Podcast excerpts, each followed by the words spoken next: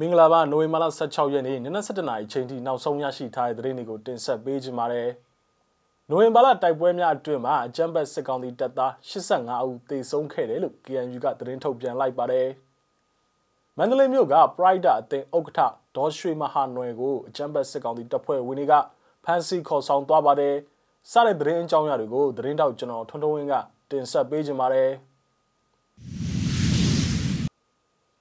ပထမဆုံးအနေနဲ့တင်ဆက်ပေးခြင်းတဲ့သတင်းကတော့ကရင်မျိုးသားအစည်းအရုံး KNU ထိန်းချုပ်ရာနယ်မြေအတွင်းမှာနိုဝင်ဘာလ၁ရက်နေ့မှနိုဝင်ဘာလ၁၇ရက်နေ့အထိဖြစ်ပွားခဲ့တဲ့တိုက်ပွဲတွေအတွင်းမှာအကြမ်းဖက်စစ်ကောင်စီဘက်မှဗိုလ်ကြီးတဦးအပါအဝင်တပ်ဖွဲ့ဝင်85ဦးသေဆုံးခဲ့တယ်လို့ KNU ဗဟိုကသတင်းထုတ်ပြန်လိုက်ပါတယ်။ KNU လက်အောက်မှာရှိတဲ့ကရင်အမျိုးသားလွတ်မြောက်ရေးတပ်မတော် KNL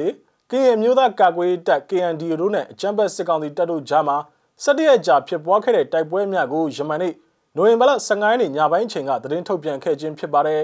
။ KNU ရဲ့ထိန်းချုပ်ရာနယ်မြေများဖြစ်ကြတဲ့ဒုတထုတထုံခရိုင်တပ်မဟာ1တောင်ငူခရိုင်တပ်မဟာ2နဲ့မူဒရောခရိုင်တပ်မဟာ9နယ်မြေများမှာဆိုပါရမြအတွင်းမှာတိုက်ပွဲအကြိမ်60ဖြစ်ပွားခဲ့ပြီးတော့အကြမ်းဖက်စစ်ကောင်စီတပ်ဖက်မှဗိုလ်ကြီးတူဒုဗိုလ်တူ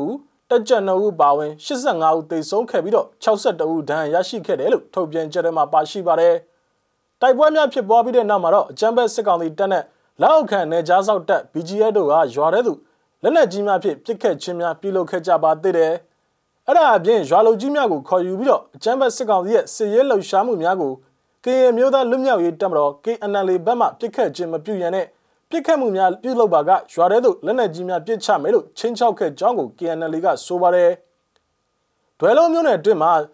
ထီတီဦးဖုံးကြောင်းတွင်မှာတပ်ဆွဲထားတဲ့အကြမ်းဖက်စစ်ကောင်စီတပ် ဖန်မြို့မှာရှိတဲ့စစ်ကောင်စီရဲ့ခမာရ409နဲ့နေကြားဆောက်တက်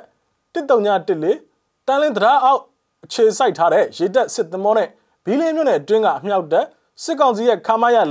406နေကြားဆောက်တက်1314မှာဗိုလ်တင်ဝင်းဦးဆောင်တဲ့အဖွဲ့တို့ကဆိုပါတိုက်ပွဲဖြစ်ပွားခဲ့တဲ့နေ့ရက်များမှာအနိနာကျွရများသို့လက်နက်ကြီးများဖြင့်ပစ်ခတ်ခြင်းလမ်းတော်လမ်းလာများကိုဖုံးများစစ်ဆေးခြင်းများပြုလုပ်ခဲ့ကြပါတယ် ဒေသခံကျေးရွာနေအိမ်များလည်းပျက်စီးခဲ့တယ်လို့သတင်းထုတ်ပြန်ကြတဲ့မှာပါရှိပါတယ်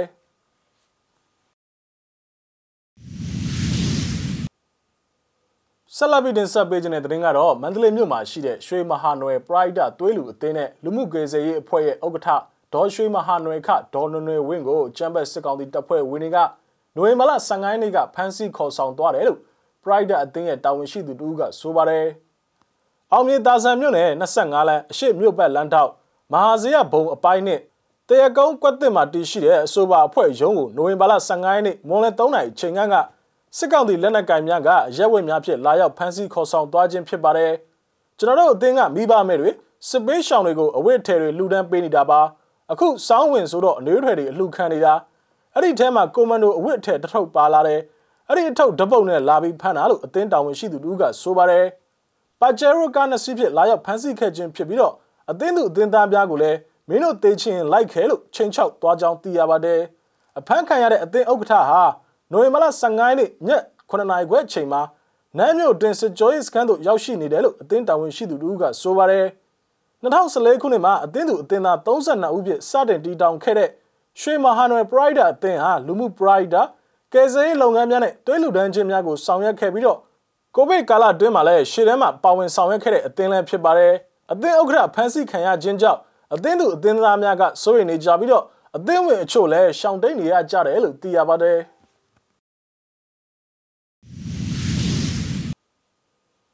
နောက်ထပ်တင်ဆက်ပေးခြင်းတဲ့သတင်းကတော့တလင်းလိုက်တိုင်းဒေသကြီးတဝယ်မြို့နယ်ဘိန်းမြို့တို့မှာဆိုင်ကယ်တစ်စီးလင်အမျိုးသား2ဦးစီးနင်းလင်တနက်နဲ့ပြစ်တက်မယ်လို့အကြမ်းဖက်စစ်ကောင်စီကသတင်းထုတ်ပြန်ထားကြောင်းကိုမြို့ကန်တွေထံမှသိရပါတယ်။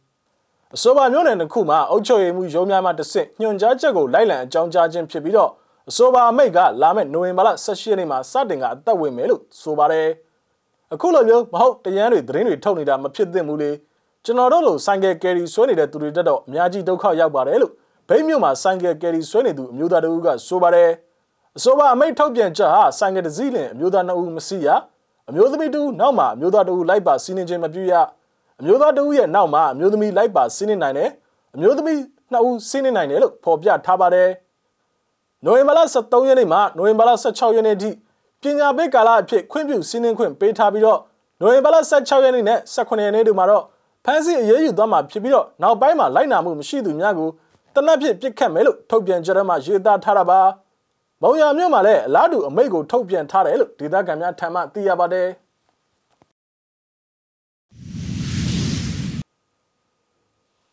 နောက်ဆုံးအနေနဲ့တင်ဆက်ပေးခြင်းတဲ့သတင်းကတော့တလင်းလိုက်တိုင်းဒေသကြီးတဝဲခရိုင်လောင်းလုံမြို့နယ်မှာနိုဝင်ဘာလ16ရက်နေ့နံနက်ပိုင်းချိန်က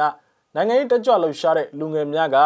စူဒန်ပြည်သူလူထုနဲ့အတူရက်တီကြောင်းအာနာရှင်ကိုတိုက်ထုတ်ဖို့စူဒန်နဲ့မြန်မာစီလုံးဖို့ကြွေးကြော်တမ်းများဖြင့်အကြမ်းဖက်ဆက်အာနာရှင်စနစ်စန့်ကျင်ရေးကိုဆန္ဒထုတ်ဖော်ခဲ့ကြပါတယ်။စူဒန်နိုင်ငံကလည်းပြီးခဲ့တဲ့နိုဝင်ဘာလ25ရက်နေ့မှာစစ်တပ်ကအာဏာသိမ်းယူခဲ့ပြီးတဲ့နောက်အင်တာနက်လိုင်းများကိုဖျက်တောက်ခဲ့ကာ ပြည်သူလူထုကိုမတရားဖိနှိပ်ဖမ်းဆီးမှုများပြုလုပ်လျက်ရှိပြီးတော့အလားတူမြန်မာနိုင်ငံမှာလည်းစစ်အာဏာရှင်ကနိုင်ငံတော်အာဏာကိုသိမ်းယူခဲ့တာပါ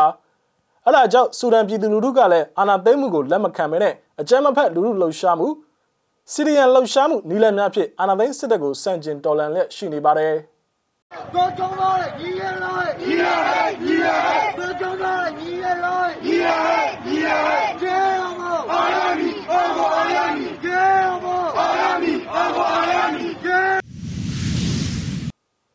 ဟုတ်ကဲ့ပါနိုဝင်ဘာလ16ရက်နေ့နနက်7:00နာရီချိန်ထိနောက်ဆုံးရရှိထားတဲ့သတင်းတွေကိုကျွန်တော်တို့မြစည်းမဝိုင်းတော်သားများကနေပြီးတော့တင်ဆက်ပေးခဲ့တာပါမြန်မာပြည်နဲ့မှာနေထိုင်တဲ့မိဘပြည်သူတွေအကုန်လုံးဘေးရန်နဲ့ကင်းရှင်းကြပါစေလို့ဆုမကောင်းတောင်းအပ်ပါတယ်